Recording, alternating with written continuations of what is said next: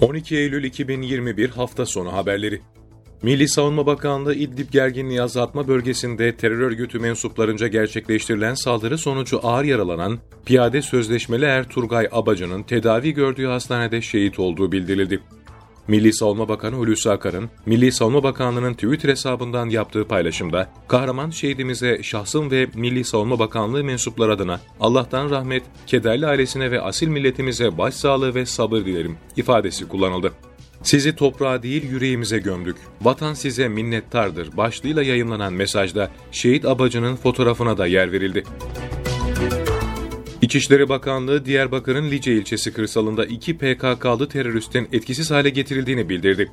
İçişleri Bakanlığı'ndan yapılan açıklamada Eren 2 operasyonları kapsamında Lice kırsalında Diyarbakır Jandarma Bölge Komutanlığı koordinesinde İl Jandarma Komutanlığı'na bağlı jandarma komando birliklerince jandarma SİHA desteğiyle operasyon düzenlendiği belirtildi. Operasyonda iki PKK'lının silahlarıyla etkisiz hale getirildiği, bölgede operasyonların sürdüğü kaydedildi. AK Parti sözcüsü Ömer Çelik, 12 Eylül darbesinden 15 Temmuz darbe girişimine kadar millet düşmanları birçok kez saldırdı demokrasimize. Her darbe millet düşmanlıdır dedi. AK Parti sözcüsü Ömer Çelik, 12 Eylül 1980 askeri darbesinin 41. yılı nedeniyle sosyal medya hesabından paylaşımda bulundu. Çelik, 12 Eylül darbesinden 15 Temmuz darbe girişimine kadar millet düşmanları birçok kez saldırdı demokrasimize. Her darbe millet düşmanlığıdır. Darbeler ve vatanseverlik bir arada olmaz. Kendi milletine silah çekenler ülkemize düşmanlık etmişlerdir ifadelerini kullandı.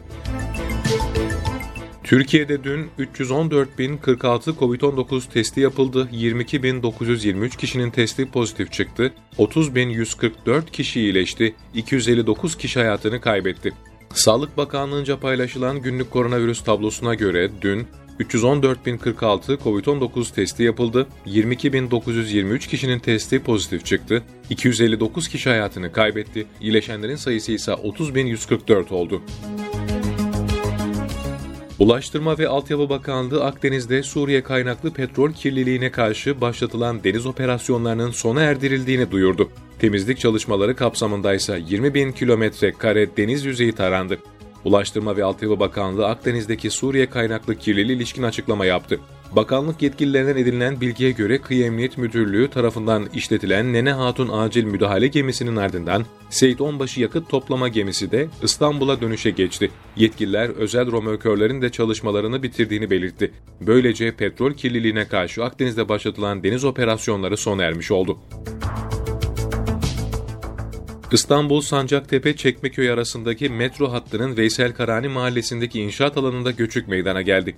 Göçükte biri ağır olmak üzere iki işçi yaralandı.